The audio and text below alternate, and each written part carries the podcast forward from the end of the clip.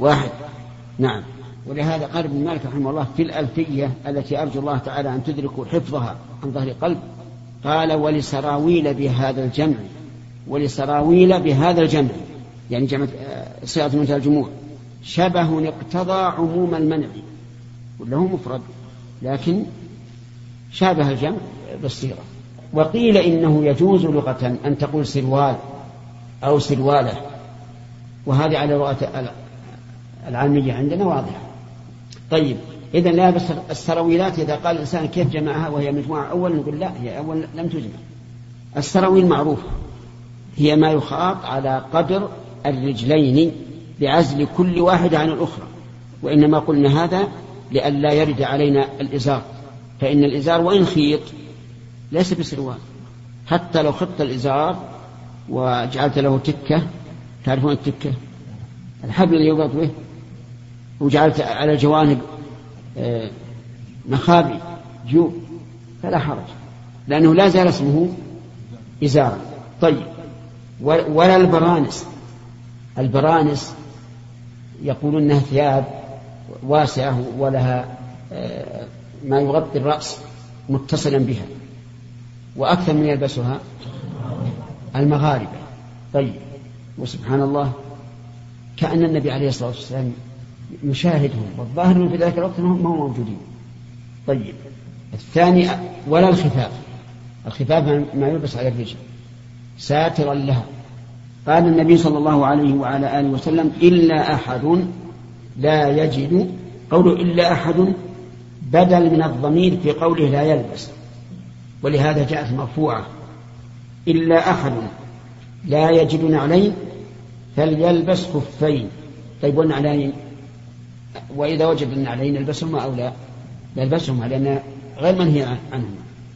وليقطعهما يعني يقطع الخفين أسفل من الكعبين. يعني أنزل.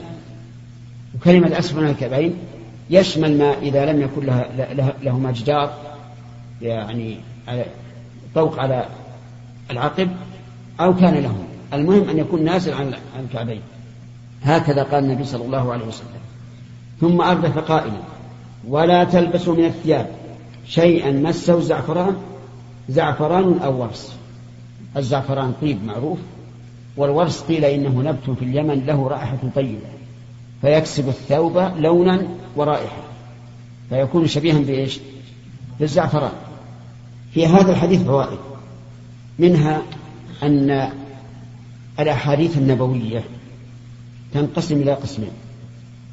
قسم لها سبب قسم لها سبب وقسم لا سبب له. من الأسباب السؤال. ومن فوائده أن الله عز وجل يقيض بشريعته من يسأل عن شيء لم يكن تحدث عنه النبي صلى الله عليه وعلى آله وسلم. ومن فوائده أنه يدل على كمال الشريعة وأنه ما من شيء تحتاج الأمة إليه إلا وقع بيانه إما ابتداء وإما لسبب.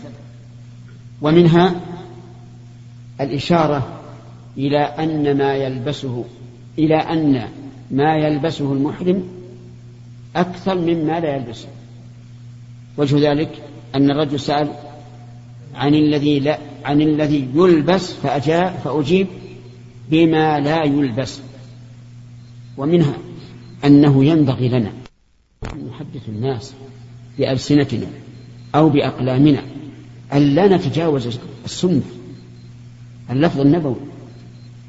هذه خمسة معروفة محصورة. ولهذا لما تكلم بعض التابعين وأول من تكلم بذلك إبراهيم النخعي رحمه الله فقال المخيط حرام على المحرم صار هذا اللفظ فيه اشتباه فيه تضييق من جهة وفيه اشتباه. أولا النبي صلى الله عليه وسلم لم يذكر المخيط إطلاقا. فما بالنا نشرع ونقول لا تلبس المخيط ثانيا أن هذا التعبير يقتضي أنك لا تلبس الإزار إذا كان فيه خياط. وهذا صحيح ولا غير صحيح؟ الله أحسنتم الآن الإزار يجوز لبسه وهو مخيط؟ يجوز. لكن لو أخذنا ظاهر العبارة ما يجوز. أيضا يوجب إيهام في في النعلين المخروزة. في النعلين المخروزة. وما أكثر السؤال عن هذا. يقول هل يجوز للمحرم أن يلبس النعلين المخروزات؟ ليش ما يجوز؟ قال لأنها مخيطة. فزاد بعض الناس. قال لا يلبس المخيطة ولا المحيطة. نعم. لا مخيط ولا محيط. إيش المحيط؟ الخاتم وشبه لا يلبس. فالمهم أن أدعوكم إلى اتباع لفظ النص لأنكم مسؤولون عن هذا. ويوم يناديهم فيقول ماذا أجبتم المرسلين؟ ولا نضيق على عباد الله. نقول البس الإزار لو فيه ألف رقعة. وكذلك الرداء. طيب. نمشي مع الحديث. لا يلبس القميص. القميص لا يلبس على أي حال كان حتى لو فرض أنه ليس فيه يعني لو نسج نسيجا. ما في خياطة. هل يلبس أو لا يلبس؟ لا يلبس. ولو أخذنا بكلمة المخيط لقلنا هذا يلبس لأنه ما في خياط ولكن لا. القميص بجميع أنواعه لا يلبس. طيب يشبهه الكوت. لأنها قميص لكن لأنه قميص لكنه قصير. الفنيلة كذلك. قميص قصير. فلا تلبس هذه الأشياء. من فوائد هذا الحديث؟ أن الإنسان لو لف على صدره ثوبا دون أن يلبسه لبسا. جائز أو غير جائز؟ جائز. ليه؟ لأنه يقول لا يلبس هذا ما لبسه هذا تلفلف به. وبناء على ذلك لو أن الإنسان في الطائرة وكان إزاره ورداؤه في الشنطة في مع العفش ويعرف أنه سيحاذي الميقات. فماذا يصنع؟ ورداؤه وإزاره في في داخل في جوف الطائرة. نقول اخلع الثوب. اخلع الثوب وتلفلف به. والسروال يبقى لأنك لم تجد إزار واضح؟ إذا قال أخشى الناس إلى شاء إذا رأوا هذا يعني قاموا ينظرون إلي. فالجواب وليكن ذلك. أنت إذا فعلت هذا شرعت لإخوانك المسلمين ما يخفى عليهم. وكثيرا ما يقع السؤال أنه لأن إزاره ورداءه في, داخل الطائرة وأخر الإحرام حتى وصل إلى جدة لأنه لا يدري. فيقال الحمد لله. الأمر سهل. اخلع القميص وتلفلف به وتبقي السروال. طيب الغترة الغترة ما ما هو لازم. لازم اخلع اخلعها ويبقى رأسك مكشوفا واضح؟ فإذا قال قائل لماذا لا تقولون يلزمه أن يخلع السروال وأن يتلفلف إزارا بالغترة فالجواب أولا إن بعض الغتر ظهير خفيف يعني ما يستوي الأرض. ثانيا أنها ليست يعني واسعة بحيث يديرها مرتين أو ثلاثة. وإذا كان كذلك فإنه يخشى أن تبدو عورته. لأن الغترة معروفة ما تلم على يعني شيء كثير ما ندري إذا كان عبد الله الشريف. نعم. ما تلم عليه. نعم. فعلى كل حال آه، نقول هذا فيه صعوبة. فالحمد لله أنا ميسر.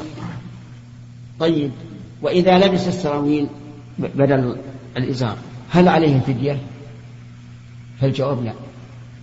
لأن لا عليه فدية لأن النبي صلى الله عليه وسلم لم يذكر أن عليه الفدية وهذا من الرخصة والحمد لله طيب ولا يلبس العمائم. العمائم لا يلبسها ولا يلبس كذلك ما كان بمعناها مثل الطاقية والغترة والقبع. لا يلبسه بل إن الرأس له خاصية غير بقية البدن وهو أنه لا يغطى بأي شيء. دليل هذا قصة الرجل الذي وقصته ناقته في عرفة. فقال النبي صلى الله عليه وعلى آله وسلم لا تخمروا رأسه. يعني لا تغطوه. إذا الرأس فيه حديثان. الحديث الأول أن لا أن لا يلبس الإنسان ما اعتيد لبسه على الرأس. وهو العمامة هذا اللي في الحديث العمامة وما, وما شابه. الثاني أن لا يغطى ولو لم يجري تجري العادة بلبسه أن لا يغطى بشيء ولو لم تجري العادة بلبسه فإن قال قائل ما تقولون؟ فيما لو حمل عفشه على رأسه. والمراد بالعفش المتاع. هل يجوز أو لا يجوز؟ نعم. منهم من قال لا يجوز ومنهم من قال يجوز ومنهم من فصل قال إن قصد الستر فهو غير جائز لقول النبي صلى الله عليه وسلم إنما الأعمال بالنيات. ومثال ذلك إنسان معه علاقية صغيرة يحملها بيده بدون بدون مشقة ووضعها على رأسه هل يحتاج إلى وضعها على الرأس؟ لا يحتاج إذا إنما قصد تغطية الرأس وهذا لا يجوز. إذا حمل المتاع على الرأس لا يضر لأنه لا يقصد به التغطية غالبا وقد جرت العادة به. طيب تغطية الرأس بغير ملاصق تغطية الرأس بغير ملاصق. نقول هذا نوعان. النوع الأول ما لم يكن متصلا بالمحرم بل هو ثابت في الأرض فهذا جائز. بالإجماع. مثل الخيمة الشجرة يضع عليها كساء وما أشبه ذلك. هذا لا لا أحد يخالف فيه لأن النبي صلى الله عليه وعلى آله وسلم ضربت له قبة بنمرة وهو ذاهب إلى عرفة محرما وبقي فيها. الثاني أن يكون متصلا بالمحرم. لكن لاحظ أنه منفصل عن الرأس. متصلا بالمحرم لكنه منفصل عن الرأس. مثل الشمسية والسيارة و أي نعم. أو رجل مثلا معه عصا بكل يديه وفوقه رداء يحمله على رأسه من عن الشمس فهذه للعلماء فيها قولان. القول الأول أن ذلك ليس بجائز. وعلى هذا فجميع السيارات الجمس لا يجوز للمحرمين أن أن يركبوا فيها إذا كانوا رجالا إلا أن يكشفوا سطحا. وهذا هو المشهور من المذهب مذهب الحنابلة رحمهم الله لكنه قول ضعيف. والصحيح أنه لا بأس به. ومثل ذلك أيضا الشمسية. المشهور من مذهب الحنابلة أن ذلك غير جائز لأنها متصلة بالمحي ولكن الصحيح خلاف ذلك وأنها جائزة. وقد ثبت أن النبي صلى الله عليه وسلم كان يضلل في طريقه من مزدلفة إلى منى صباح العيد. وهذا يدل على إيش؟ على الجواز. ثم هل هذا تغطية رأس التغطية الرأس هل هو التغطية لا. كيف سعد نعم. ليس تغطية لأن الرأس باين. ما غطي فالصواب جواز هذا. فصارت الأقسام كم؟ ثلاثة. الملاصق ولا إشكال في منعه وغير الملاصق وهو متصل بالمحرم فموضع خلاف وغير ملاصق لكنه منفصل عن المحرم كالخيمة والشجرة وما أشبه ذلك فلا بأس بها بالاتفاق. ما شرط صار في السعودية خصوصا السعودية ما في وقت. الثاني أن اليمن وقف الطيارة لا يعلم الوقت ولا ما يعلم المحل ولا يعلم قصدك يعني بدء الحرام يعني. اي عقد الحرام. لا هذا أحسن شيء إنك تلبس الازار في بيتك بعد ما تغتسل ثم تلبس فوقه الثياب المعتاده وإذا ركبت في الطائرة تكون حسب العاده والطيران المعتاد أنه 35 دقيقة أو 40 دقيقة تكون قد حاذيت الميقات. ذا الحليفه فأنت إذا مضى ثلث ساعه مثلا اخلع الثياب والبس الرجال على ان على ان المضيفين جزاهم الله خيرا. ينبهون قبل ثلث ساعة. أو عشر دقائق. فإذا خفت من هذا كله فالحمد لله أحرم من حين ما تلقى. بعد الإقلاع بعد الإقلاع نعم. جزاك الله شيخ أحسن الله إليكم. لبس الفروة بغير إدخال اليدين فيها. نعم. القبع إيه، مثل القبع الذي ذكرته نعم. هذا ما يجوز لأن لأنها تلبس على هذا الوجه أحيانا. أما لو لبسها وجعل ال- الأكمام أسفل فلا بأس. نعم. فلا يجمع بين أن السنة أن الإنسان يتطيب قبل الإحرام وبين ما ترتب المؤلف في كتاب غسل الحدود ثلاث مرات. نعم. مع أنه يعني العادة أنه يتطيب مصيبة لا هذا لأن الخلوق مر علينا يعلى بن أمية. لأنه كان في إحرامه. ربما يصيب نعم ربما يصيب لكن نقول أصلا لا تلبس الثياب اللي في فيها طيب سيأتيك الآن قريب. طيب لابس أيضا السراويلات وهو معروف السراويل.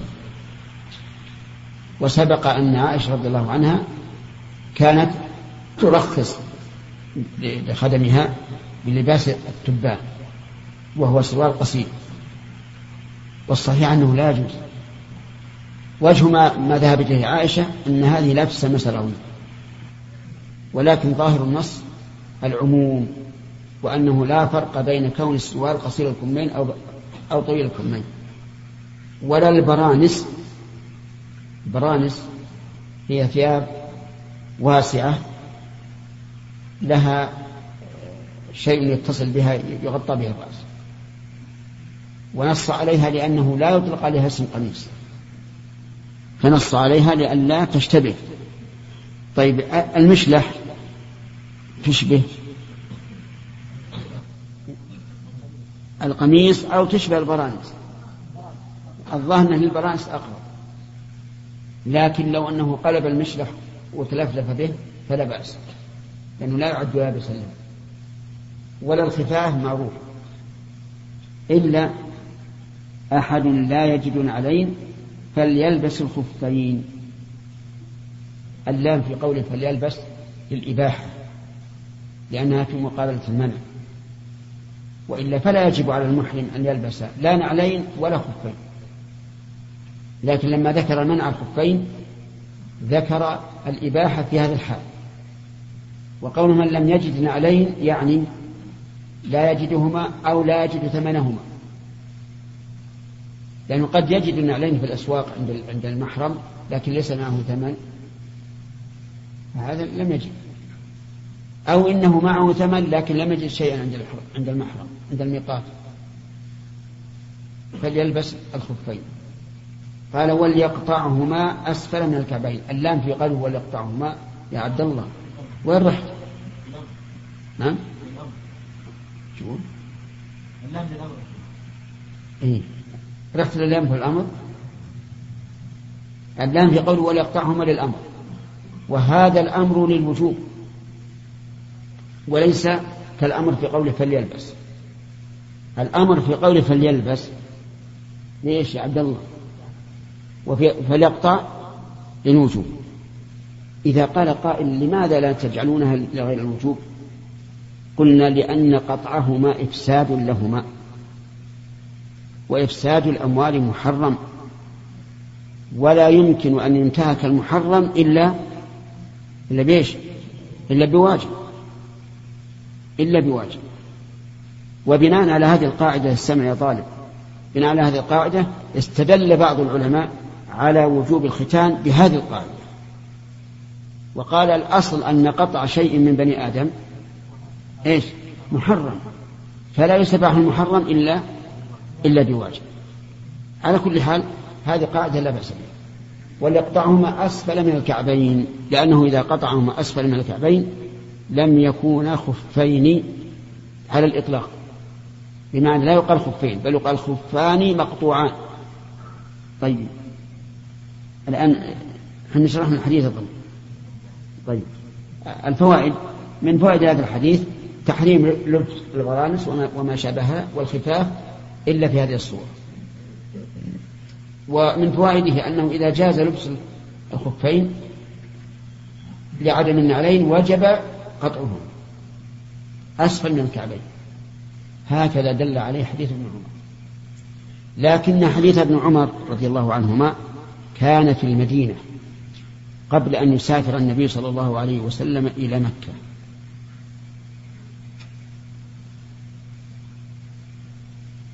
ورد حديث ابن عباس رضي الله عنهما أن النبي صلى الله عليه وسلم خطب الناس في عرفة وقال من لم يجد نعلين فليلبس خفين ومن لم يجد إزارا فليلبس السراويل في عرفة ولم يذكر القطر ومعلوم أن حديث ابن عباس رضي الله عنهما بعد حديث ابن عمر بعد حديث ابن عمر. صحيح هذا؟ ليش بعده؟ لأن هذا قبل أن يسافر وهذا بعد ما سافر ومعلوم أيضا أن الحاضرين في عرفة أكثر من الحاضرين في المدينة وأنه لا يمكن سماع جميع جميعهم قوله وليقطعهما في هذه المدة الوجيزة وعلى هذا فيكون حديث عبد الله بن عمر منسوخا بحديث عبد الله بن عباس لأنه آخر الأمرين فإن قال قائل لماذا لا تقولون بحمل المطلق على المقيد؟ أي حمل حديث ابن عباس على حديث ابن عمر. كما هي العادة أن المطلق يحمل على المقيد. فالجواب أنه لا يمكن الحمل هنا لأن حديث ابن عباس متأخر والحاضرون لهذه الخطبة أكثر بكثير والناس سينقلون حديث ابن عباس أكثر من الذين نقلوا حديث ابن عمر. لأنهم يعني كل الحجاج. فلا يمكن أن يكون القطع واجبا ثم لا يذكر مع دعاء الحاجة إليه في خطبة عرب وهذا هو القول الراجح. أنه إذا جاز لبس الخفين لعدم النعلين لم يجب القطع. ومن فوائد هذا الحديث تحريم لبس الثياب المطيبة. تحريم لبس الثياب المطيبة. فلو طيب الإنسان إحرامه قبل أن يحرم. يعني ثوب الإحرام قبل أن يحرم قلنا حرام عليك أن تلبسه بعد الإحرام. واضح؟ لأنه يمكن أن تغسله. اغسله ثم البسه. وأما قول بعض أهل العلم رحمهم الله إنه يكره تطييب ثوب الإحرام ويجوز لبسه بعد ذلك ففيه نظر. فالحديث صريح. والحديث في سياق الثياب التي تلبس. نعم التي لا تلبس. ومن فوائد هذا الحديث جواز صد الثياب بالورس في غير الإحرام. لأن الأصل في الثياب هو إيش؟ هو الحل. فإذا منع من شيء منها في حال معينة بقيت الأحوال الأخرى على الأصل. وهو الحل لكن قد ثبت عن النبي صلى الله عليه وسلم أنه نهى عن الثوب الأحمر بالنسبة للرجال. الأحمر الخالص الذي ليس فيه بياض ولا سواد ولا شيء من الألوان. فإن قال أحدكم أليس قد ثبت في الصحيحين أن النبي صلى الله عليه وسلم خرج في مكة وعليه حلة حمراء؟ فالجواب أن أن هذا يعني أن اللون المخطط فيها لون أحمر وليس كلها حمراء ودائما الناس يقولون مثلا عليه شماغ أحمر عليه شماغ أزرق. والشماغ ما هو كله أحمر ولا كله أسود ومن فوائد هذا الحديث أيضا آه، تحريم استعمال الزعفران للمحرم بمعنى أنه لا يجوز أن يتطيب به. ولا بالورس الطيب هذا. فهل يقال إن شرب القهوة التي فيها الزعفران بالنسبة للمحرم حرام؟ أو نقول إذا ذهبت الريح جازت. الجواب الثاني يعني إذا طبخت القهوة التي فيها الزعفران حتى ذهب ريح الزعفران نهائيا فإنه يجوز أن يشربها لأنها أصبحت غير طيب بمعنى تحولت إلى شراب غير مطيب من فوائد الحديث أنه ينبغي للإنسان المفتي أن يقلل من الألفاظ ما استطاع لأن ذلك أقرب إلى الفهم وأقرب إلى الحفظ. وجه الدلالة أن النبي صلى الله عليه وعلى آله وسلم ذكر ما إيش؟ ما لا يلبسه المحرم. مع أن السؤال عن الذي يلبسه. فاختصر القول في الفتوى. لا تطول. نعم. خصوصا إذا كان الذي يستفتيك عاميا. لا تطول. لو استفتاك عامي يقول والله عن مسألة فيها خلاف. نعم. سؤالك إيش؟ كذا وكذا. هذه المسألة فيها عشرين قول نعم. فقال الإمام أحمد كذا. وقال فلان كذا. وقال فلان كذا. وقال فلان كذا. وبعضهم فصل باعتبار حال السائل وبعضهم فصل باعتبار الوقت وبعضهم فصل باعتبار المكان. وش يعني؟ نعم؟ يروح ما عنده شيء أبدا. ويشوش أكثر؟ العامي لا تذكر عنده أقوال. قل هذا حرام هذا حلال. فيما دلت السنة الكتاب والسنة على تحريم أو تحريم. نعم لو فرض أنه قد شاع في البلد قول خلاف الصواب عندك. فهنا إذا أفتيته بما ترى أنه صواب فقل وقال بعض العلماء كذا وكذا ولكن الراجح ما ذكرت لك. لماذا؟ حتى لا يشوش عليها القول الثاني المشتهر في البلد. لأن لأن كثير من العوام إذا سأل العالم وأفتاه بما عنده هم من جلس المجلس وسمع فتوى خلاف هذا. يبقى شاكا في فتوى العالم. فإذا أشار إلى أن أن هناك خلافا ولكن الراجح ما, ما ذكر زال الإشكال. وهذه كلها من آداب الإفتاء. طيب إذا نأخذ من هذا الحديث أنه ينبغي للمفتي أن يقرب الفتوى للسائل فيقلل الألفاظ ما دام يحصل بها المقصود. طيب هنا مسائل ما تقولون في لبس الخاتم؟ جائز؟ جائز لأنه ثبت أن النبي صلى الله عليه وسلم كان يلبس الخاتم ولم يذكر أنه كان يضعه عند الإحرام. وقد نص الفقهاء على جواز لبس الخاتم. لبس السوار جائز ولا غير جائز؟ ما أدري. الأخوان يقولون جائز. نعم. أما بالنسبة للمرأة فلا فلا فلا ما لا يرجع علينا هذا السؤال. لأن المرأة لا يلبس لا يحرم عليها هذا اللباس. بالنسبة للرجل لا يرد لأن الرجل لا يجوز أن يلبس السوار امرأة. لكن هنا شيء يشبه السوار وهو الساعة وهو الساعة. هل يلبسها المحرم أو لا يلبسها؟ نعم. أول ما خرجت هذه الساعات التي تجعل في اليد حرمها بعض العلماء وقال هذا ما يجوز للمحرم يلبسها. أن يلبسها وهو واضح على قول من يقول إنه يحرم على المحرم لبس المخيط إيش؟ والمحيط. ثم يعني تناقل العلماء رحمهم الله هذه المسألة تراجعوا فيها فقال بعضهم إنها حلال. لأن النبي صلى الله عليه وعلى آله وسلم قال لا يلبس كذا وهذا ليس مما حذر منه الرسول. فتكون السنة دالة على الجواز. ولقد قدم الحجاج سنة من السنوات إلى هنا. وقالوا لنا إن الشيخ عبد العزيز بن باز رحمه الله يرى أن لبس الساعة حرام. ولبس النظارات حرام. أنا تعجبت. الشيخ عبد العزيز رحمه الله معروف. ليس من الجامدين على المذهب.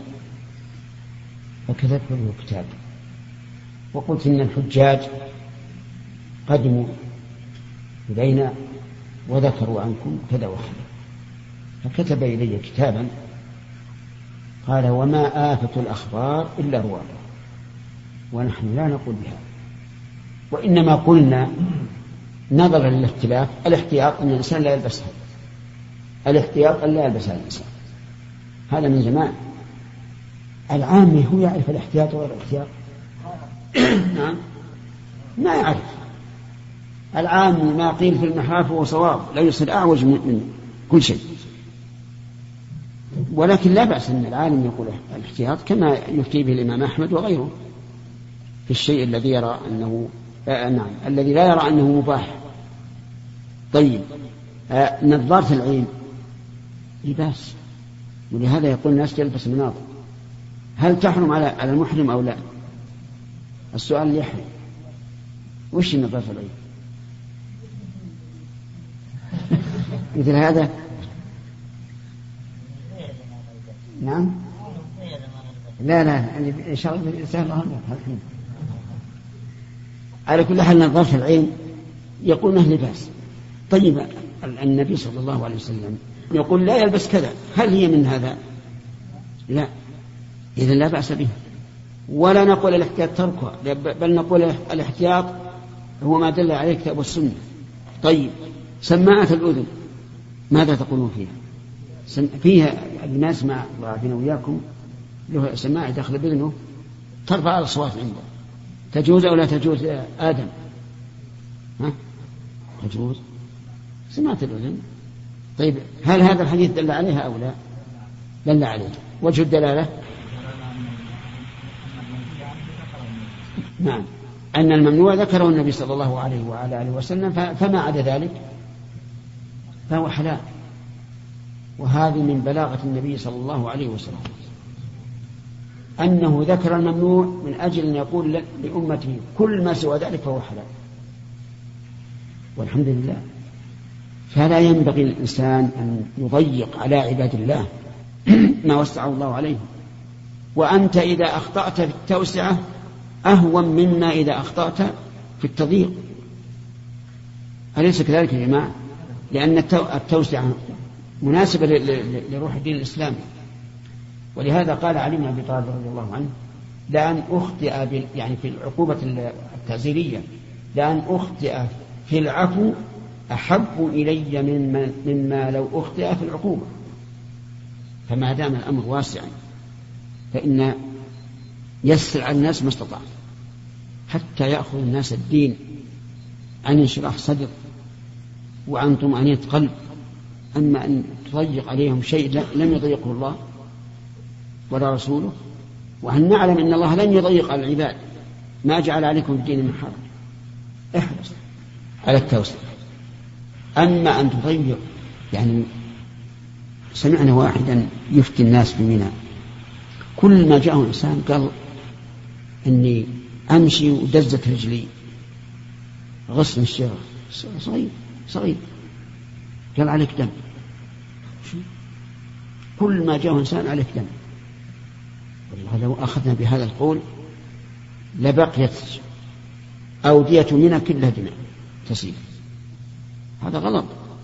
مع أن الناس الآن يفتون مثلا في الطيب في لبس القميص وما أشبه ذلك بأن عليه دم. عليه دم عليه دم. وهذا غلط وش اللي عليه؟ إذا قلنا بوجوب الفدية وش عليه؟ فدية هذا يخير بين صيام ثلاثة أيام أو إطعام ستة مساكين لكل مسكين نصف صاع أو ذبح شاة نعم وش عند وليد؟ هل تعرفها أنت؟ ما تعرفها هذه مشكلة الحكم على شيء فرع عن تصوري ها؟ بعضنا احد يقول انه يطيب فمه بفم الزعتر. إيه. الصابون المطيب. إيش الفرق بين الصابون المطيب وفم الزعتر؟ إيه. الظاهر إنك إما أنك ما تشم أنت. ما تشم طيب أو ما تعرف الزعفران. تعرفه؟ هل له رائحة طيب ولا لا؟ نعم. ولعلك ما له رائحة طيب؟ ها؟ إيش يقول لا ولا نعم ها لا بالطبخ يروح ما ما ما, ما يبكى. لكن أحيانا يذرون الطيب على القهوة يريدون أن أن يفوحوها. فتبقى رائحته لا الصابون المطيب ما, ما يجوز.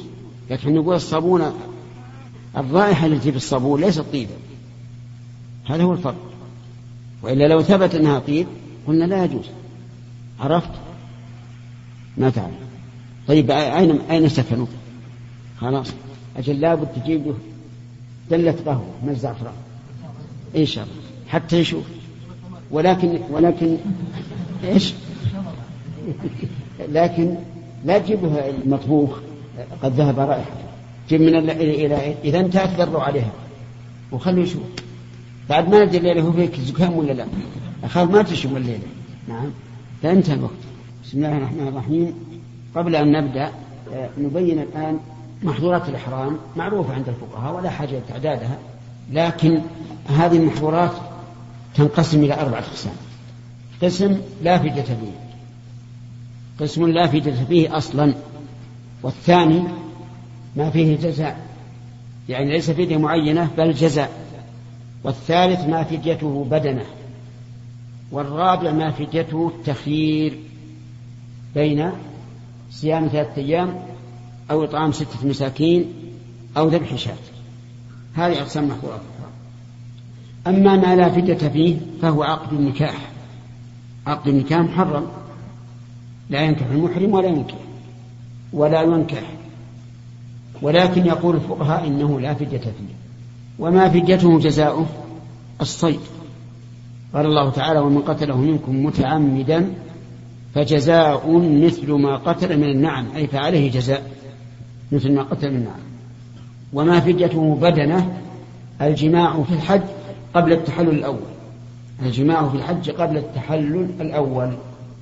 وما فدية التخيير بقية المحظورات. بقية المحظورات وتسمى هذه الفدية فدية الأذى. أخذا من قول الله تعالى ومن كان منكم مريض فمن كان منكم مريضا أو به أذى من رأسه ففدية من صيام أو صدقة أو نسك. اضبطوا هذه الضوابط حتى تعرفوا بقينا. هل على هذا التقسيم دليل؟ نقول فيه تفصيل.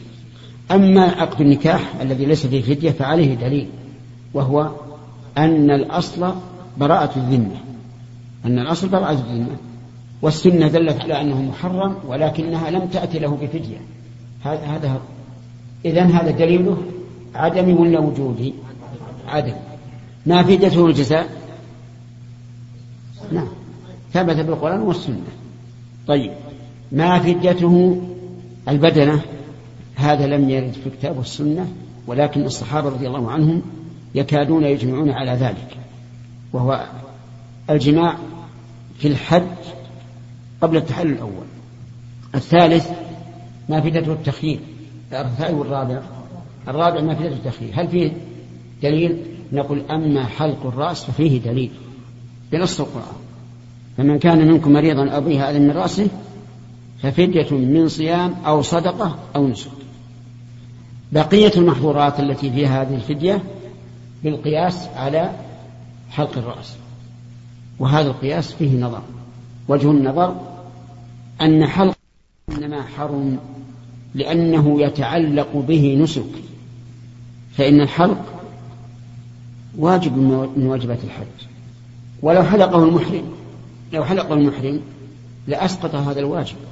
فلذلك أمر الله تعالى أو أوجب الله عز وجل الفدية فيه وهذا مسلم. وما كان لمؤمن ولا مؤمنة إذا قضى الله ورسوله أمرا أن يكون لهم الخيرة من أمرهم ما قيس على ذلك ففيه نظر لأنه لا يتعلق به نسك والتعليل بأن حلق الرأس إنما حرم لأنه ترفه تعليل عليل لأن الترفه في الإحرام ليس حراما. أليس المحرم؟ يغتسل. يغتسل. ويلبس الثياب الإحرام الجميلة. ويجوز أن أن يبقى في الحجر المكيفة. ويسير في السيارات المكيفة. ويجلس في الخيام الناعمة. وهذا كله ترف. فمن قال إن العلة الترف يحتاج إلى إلى أن يثبت هذا. ثم بعض المحظورات التي ألحقوها بحلق الرأس فيها ترف وبعضها ما فيها ترف فالعلة منتقضة. ولهذا نقول إنه لا فدية إلا فيما جاءت في القرآن أو السنة. وإلا فليس لنا الحق أن نلزم عباد الله بإضاعة شيء من أموالهم أو بإنفاق شيء من أموالهم بلا دليل. وكما ترون هذا تعليل قوي لا مناص منه. فكما أنه لا يجوز أن نسقط ما أوجبه الله من جزاء الصيد مثلا فلا يجوز أن, أن نلزم بما لم يلزم الله به في مثل لبس القميص والعمامة وما أشبه ذلك. لكن لو قال قائل ما دام جمهور العلماء على هذا وفيه حماية لهذه المحظورات من أن يتجرأ عليها الحجاج أليس القول به متجها؟ الجواب؟ نعم. بلى. القول به متجه. والشرع قد يتلف المال تعزيرا. فالغال من الغنيمة يحرق رحم وما معه. وهذا إتلاف له. وكاتم الضالة يلزم بإيش؟ بدفع قيمتها مرتين. تنكيلا له. ومن سرق ثمرا أو كثرا ضوعفت عليه القيمة. فالتعزير بالمال أو حماية الواجبات المحرمات بالمال أمر جاءت به السنة. فلنا أن نقول للناس من فعل شيئا من هذه المحظورات فعليه الفدية. وكذلك في عقد النكاح الفدية. ما لم يكن إجماع على عدمها فالإجماع مسلم. وإلا فبدون إجماع نقول لا فرق بينه وبين المحظورات. واضح؟ فنحن نتكلم عن هذه المسألة مسألة الفدية في المحظورات من وجهين الوجه الأول من الناحية النظرية.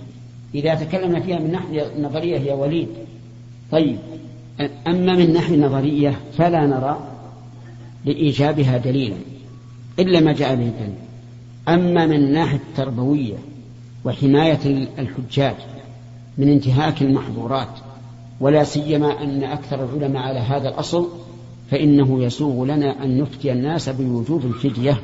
والحمد لله الفدية ما هي صعبة ما هي إيش؟ سنة أيام متفرقة أو متتابعة في مكة أو في بلده إطعام ستة مساكين لكل مسكين نصف صاع. هذا أيضا سهل.